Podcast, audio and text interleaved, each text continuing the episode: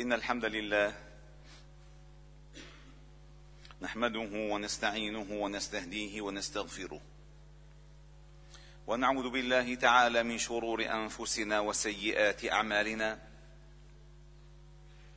من يهديه الله فهو المهتد ومن يضلل فلن تجد له وليا مرشدا. ومن لم يجعل الله له نورا فما له من نور. واشهد أن لا إله إلا الله وحده لا شريك له. خلق السماوات والأرض بالحق وأنزل الكتاب منه لا ريب فيه فيه هدى للناس. وأشهد أن محمدا عبده ورسوله وصفيه من خلقه وخليله. بلغ الرسالة وأدى الأمانة ونصح الأمة. وجاهد في الله حق جهاده وعبد الله حتى أتاه اليقين. صلوات ربنا وتسليماته عليه وعلى آله الأطهار وصحابته الأخيار. ومن تبعهم بإحسان إلى يوم الدين. يقول ربكم جل جلاله يا أيها الذين آمنوا اتقوا الله حق تقاته ولا تموتن إلا وأنتم مسلمون. يا أيها الذين آمنوا اتقوا الله وقولوا قولا سديدا. يصلح لكم أعمالكم ويغفر لكم ذنوبكم.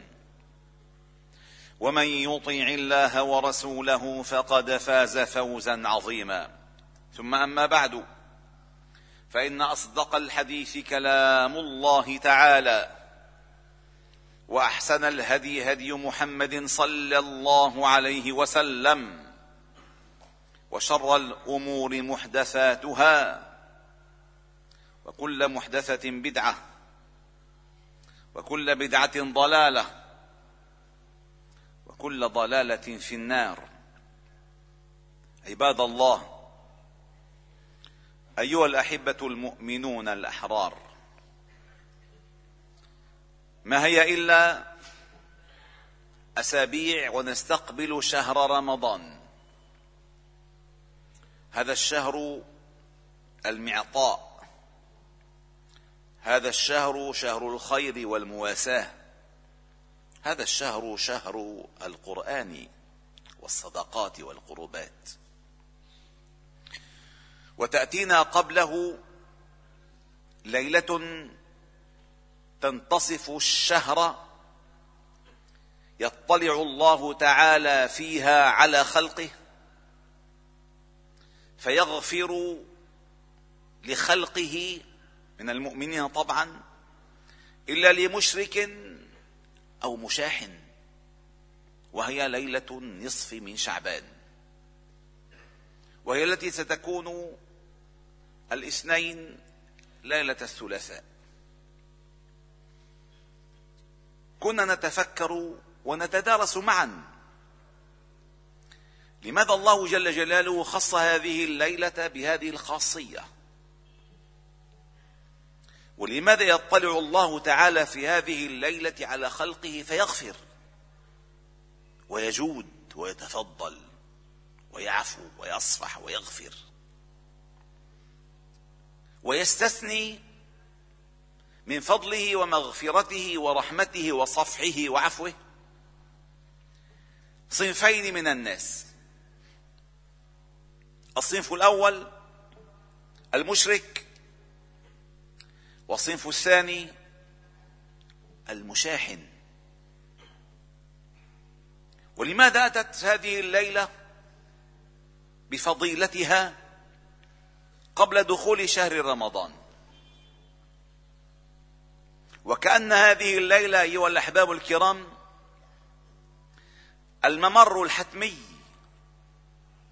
الذي ينبغي أن تدخله حتى تؤهل أن تدخل شهر رمضان. ففي هذه الليلة المباركة تحدد العلاقة بجهتيها. علاقتك مع الله وعلاقتك مع عباد الله. علاقتك مع الله ينبغي الا يشوبها كفر ولا شرك ولا نفاق ولا رياء. من صام رمضان إيمانا واحتسابا. فإذا لم تصح العلاقة مع الله فكل العلاقات مهما صحت لا خير ولا نفع فيها. فإن مصدر الخير والفضل والنعمة هو الله. فإذا قطعت أواصر العلاقة مع الله لا خير لا في هذا الإنسان ولا فيما يحيكه من علاقات مع الناس. فإذا قطعت العلاقة مع الله قطع شريان الحياة والروح والعقل والبصر. فإذا علينا أن نراجع في هذه الليلة علاقتنا مع الله. علاقة قلبنا مع الله. علاقة فكرنا مع الله. علاقة سلوكنا مع الله. هل نحن فعلا نريد وجه الله؟ نريد ثواب الله؟ نريد مرضاة نريد مرضاة الله؟ ما الذي نريده؟ فإذا تحققت البداية وتصححت النية فقد قطعنا نصف الشوط. وقد تأهلنا بالمعدل النصفي لدخول شهر رمضان. فصوم رمضان ليس من عادات الناس ولا من تقاليدهم إنما هي عبادة كتب عليكم الصيام كما كتب على الذين من قبلكم لعلكم تتقون أياما معدودات. وحديثنا عن العلاقة مع الله لا تنتهي. لا تنتهي العلاقة مع الله إلا عند الغرغرة. فمن, فمن وفقه الله أنطقه بالشهادتين اللتين كانا أو اللتين كان يعمل بمقتضاهما بمقتضاهما في حياته. فينطق أو فينطق لسانه بحاله. وتنطلق شهادته بعمله وسلوكه. فالعلاقة مع الله لا تنتهي. فتأتي هذه الليلة لتراجع. تراجع. ما الذي يربطني بالله. ما الذي يصلني بالله؟ ما الذي يقطعني عن من الله؟ ما الذي ينزل علي الفضل والبركات؟ وما الذي يرفع المقت والغضب؟ ينبغي أن نراجع. لا يعني مثلا إذا صلى الإنسان ليلة, رم... ليلة شعبان وإن لم يصح فيها شيء أو صام نهارها وإن كان فيها صح لأن الخامس عشر من الشهر القمري لا يعني أنه أقام الواجب وأصبح من أهل الفضل الذين يغفر الله تعالى لهم. إلا أن يراجع هذين الشيئين. علاقته مع الله إيمانه وقلبه وفكره. وعلاقته مع خلق الله. إلى لمشرك أو مشاحن هذا المشاحن أي هو الذي يحمل الحقد والغل والحسد والإثم في قلبه تجاه الناس. لأنه في رواية فيغفر الله تعالى للمؤمن في هذه الليلة ويملي للكافر ويدع أهل الحقد بحقدهم. لأنه لا تتصور أيها الحبيب الكريم مهما كان سمتك يدل على أنك من العباد الزهاد الصالحين. ثم بعد ذلك في المعاملات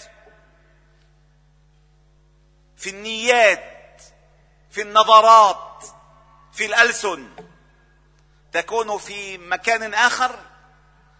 هذا الخلق السيء يفسد لك العلاقة الأولى. لأنه المؤمن لا يحمل في قلبه حقد. لذلك سئل النبي صلى الله عليه وسلم يا رسول الله من أفضل الخلق؟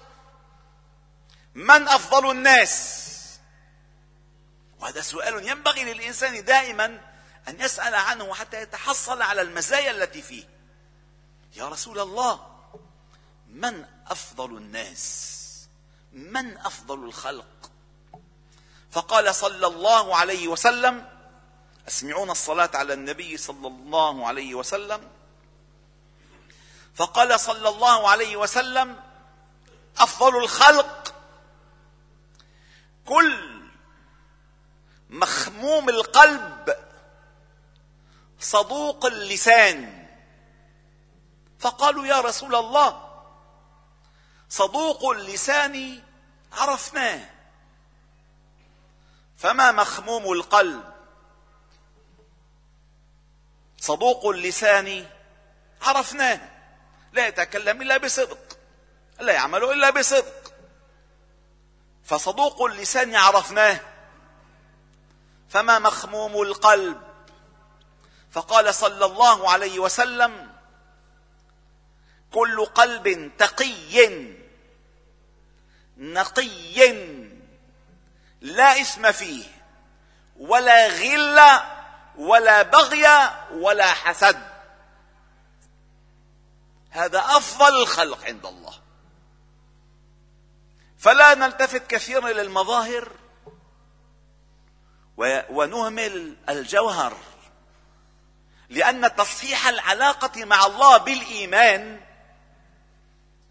إن كان صادقا بتصحيحها فإن تصحيحها يصحح السلوك يصحح الخلق ينقي القلب من كل شيء. فكان من كان صدوق اللسان مخموم القلب أي قلبه نقي صفي تقي. لا مكان للحقد فيه. لا مكان للغل فيه. لا مكان للحسد فيه. هو الذي يغفر الله له ليلة النصف من شعبان. هو الذي يؤهله الله تعالى أن يدخل إلى هذا الشهر شهر القرآن شهر رمضان. وهو الذي ينبغي أن نعد العدة له منذ أن دخل شهر شعبان. فشهر شعبان شهر عند الله معظم. ما بين رجب وما بين رمضان يغفل الناس عنه النبي صلى الله عليه وسلم كان كثير القربات فيه. كان كثير الطاعات فيه كان كثير الصيام فيه. لذلك إذا تجلى الله تعالى لخلقه ليلة النصف من شعبان فيحب أن يغفر لخلقه ولا يحب أن يرى من خلقه من يفسد علاقته معه جل جلاله بالشرك والكفر والكفر والرياء والنفاق. ومن يفسد عمله مع الناس بالشحناء والحقد والبغي والحسد. عندها تدخل شهر رمضان وتخرج منه كيوم ولدتك أمك. وقد غفر الله لك ما تقدم من ذنبك. فمن صام رمضان إيمانا واحتسابا غفر الله له ما تقدم من ذنبه. وهذا هو الفضل كله. وعندما ينقى القلب أيها الحبيب الكريم من الحقد تستقيم الحياة. فيحب الإنسان أن يصفح أن يعفو أن يغفر. فإذا كان صوم يوم أحدكم فلا يرفث ولا يصخب ولا يفسق. فإن سابه أحد أو قاتله فليقل إني صائم. ما في وقت لأفسد طاعتي وقلبي من أجلك. إني صائم. فلذلك أيها الأحباب الكرام نستقبل هذه الليلة بعد أيام نصحح فيها العلاقتين معا. علاقتنا مع الله بالإيمان وحسن التوحيد والقصد والتوجه والعلاقة مع الناس القلبية الا نحمل على أحد في قلوبنا غلا ولا حسدا ولا بغيا ولا اثما ولا سوء ظن بل نحب الخير لكل الخلق. فمن أحب الخير لكل الخلق أحبه خالق الخلق. ثم بعد ذلك أيها الأحباب الكرام نعرج على موضوع آخر وهو موضوع أقلقنا فعلا. ولكن كشف لنا المخبوء. وما كنا نحذر منه منذ زمن طويل. وعملنا عليه خطب متتالية. من أولها الطوفان طوفان الفساد. وقعنا فيه ولكن للأسف كان الله جل جلاله قدر أن نقطف أول ثمار ترك الفساد في ساحتنا نحن. ولحكمة أرادها الله تعالى حتى حتى نعلم أيها الأحباب الكرام اسمعوني وأعقلوا عني. حتى نعلم أن لا زيه ولا اسمه ولا منصبه ولا حتى عمامة لها قدسية إن أفسدت وأجرمت وسرقت ونصبت وفسدت. فلا قدسية عندنا لأحد إلا لمن آمن وعمل صالحا ثم تاب ثم اهتدى. أما المجرم لو أن فاطمة بنت محمد سرقت لقطع محمد صلى الله عليه وسلم يدها وحاشا لها أن تسرق. ولكن ما في ممالأة مع الفساد. ولكن أيها الأحباب الكرام ما الذي يجر ما الذي يجر رجلا بمنصب بارز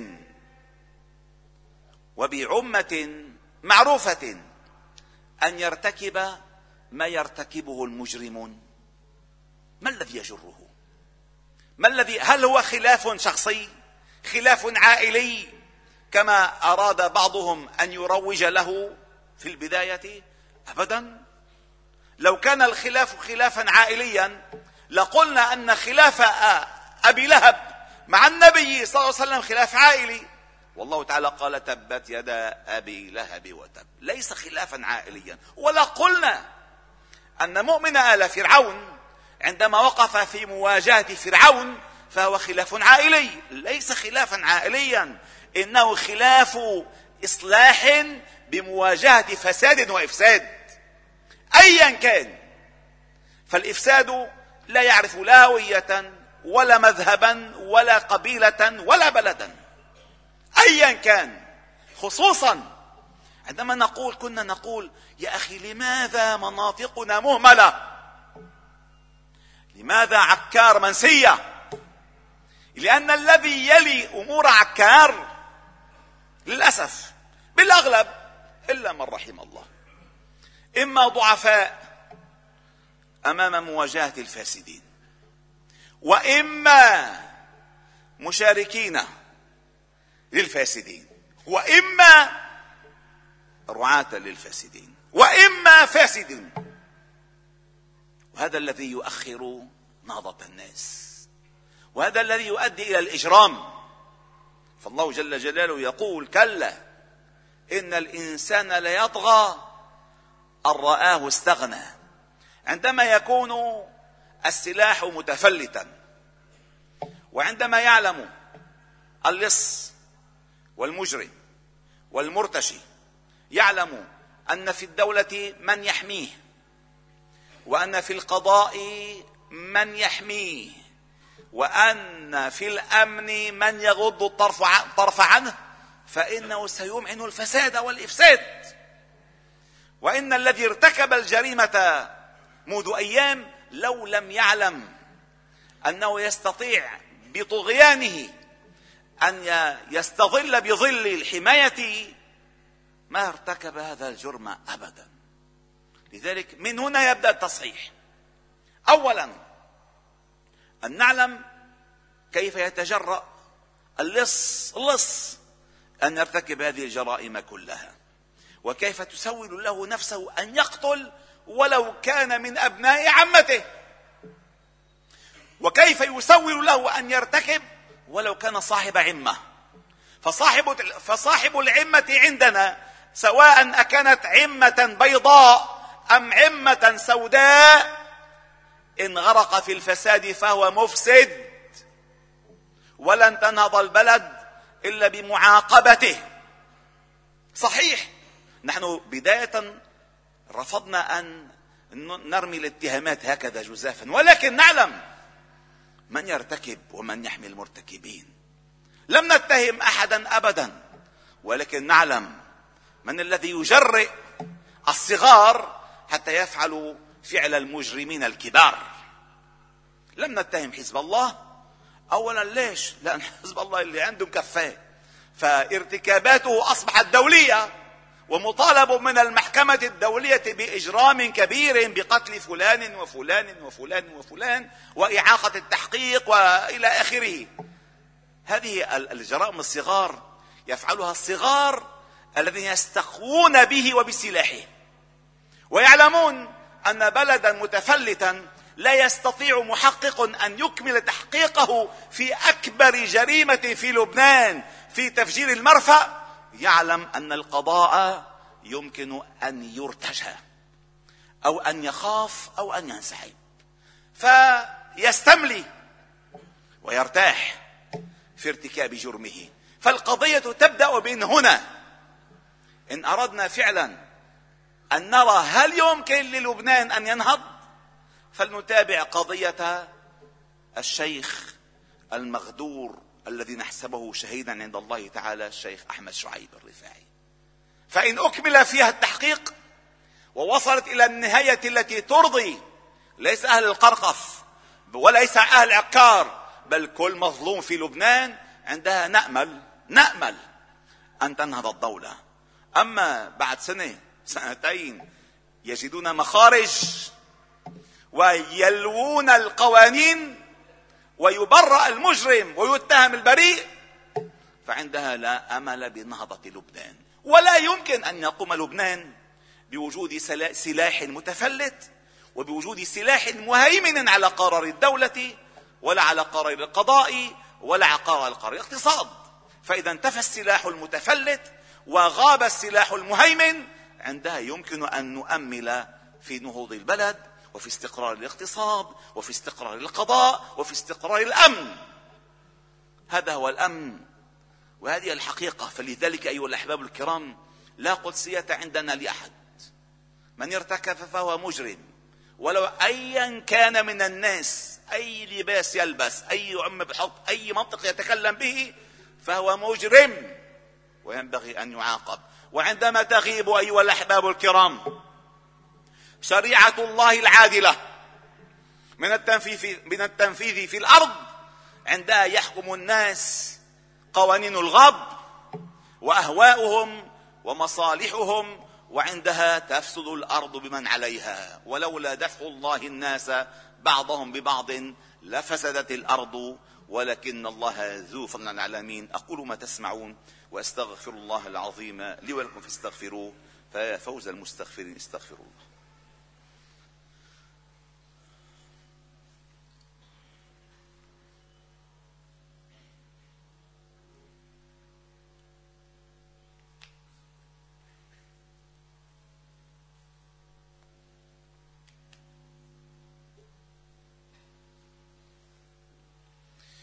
الحمد لله وكفى وسلام على عباده الذين اصطفى.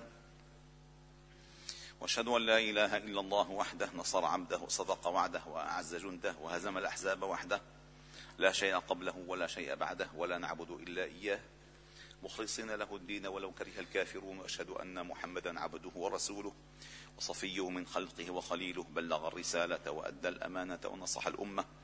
وجاهد في الله حق جهاده وعبد الله حتى أتاه اليقين. عباد الله إن الله وملائكته يصلون على النبي. يا أيها الذين آمنوا صلوا عليه وسلموا تسليما. اللهم صل على محمد وعلى آل محمد كما صليت على إبراهيم وعلى آل إبراهيم. وبارك على محمد وعلى آل محمد كما باركت على إبراهيم وعلى آل إبراهيم في العالمين. إنك حميد مجيد. وارض الله من الخلفاء الراشدين والصحابة والتابعين. ومن تبعهم بإحسان إلى يوم الدين وعنا معهم برحمتك يا أرحم الراحمين. اللهم ارحمنا فإنك بنا راحم. ولا تعذبنا فإنك علينا قادر. ولا تسلط علينا بذنوبنا من لا يخافك ولا يرحمنا. يا حي يا قيوم. يا حي يا قيوم. برحمتك نستغيث. فأصلح لنا شأننا كله. ولا تكلنا إلى أنفسنا طرفة عين ولا أقل ولا أكثر. إلهنا مولانا أنت رب العالمين. اغفر اللهم لنا يا رب العالمين. اللهم يا مقلب القلوب ثبت قلوبنا على دينك. اللهم يا مصرف القلوب صرف قلوبنا إلى طاعتك. اللهم يا مقلب القلوب قلب قلوبنا في محبتك. اللهم أحسن عاقبتنا في الأمور كلها وأجرنا من خزي الدنيا وعذاب الآخرة. اللهم من أراد بالمسلمين خيرا فوفقه إلى كل خير. ومن أراد بهم شرا وإفسادا فخذه أخذ عزيز مقتدر. اللهم إليك نشكو ضعف قوتنا وقلة حيلتنا وهواننا على الناس. اللهم إنا نكل أمورنا إليك. اللهم أصلح حالنا. اللهم ألف بين قلوبنا. اللهم وحد صفنا. اللهم اجمع كلمتنا. اللهم اسلل سخيمة صدورنا. اللهم طهر قلوبنا من النفاق وأعمالنا من الرياء وألسنتنا من الكذب. وأعيننا من الخيانة. اللهم استعملنا فيما يرضيك عنا. اللهم أغننا بحلالك عن حرامك وبطاعتك عن معصيتك وبفضلك عمن سواك. اللهم لا نهلك وأنت رجاؤنا. اللهم إنا نعوذ بك من الهم والحزن ونعوذ بك من العجز والكسل ونعوذ بك من غلبة الدين وقهر الرجال. لا إله إلا أنت سبحانك. إنا كنا من الظالمين. اللهم استر عوراتنا اللهم آمن روعاتنا اللهم احفظنا من بين أيدينا ومن خلفنا وعن أيماننا وعن شمائلنا ومن فوقنا ونعوذ بعظمتك أن نغتال من تحتنا. اللهم اجعل هذا البلد سخاء رخاء حفظا وامنا بحفظك وأمنك. فإنك أنت الله خير حافظا وأنت أرحم الراحمين. اغفر اللهم لنا ولوالدينا ولمن علمنا. وللمسلمين في مشارق الأرض ومغاربها. سبحان ربك رب العزة عما يصفون وسلام على المرسلين. والحمد لله رب العالمين.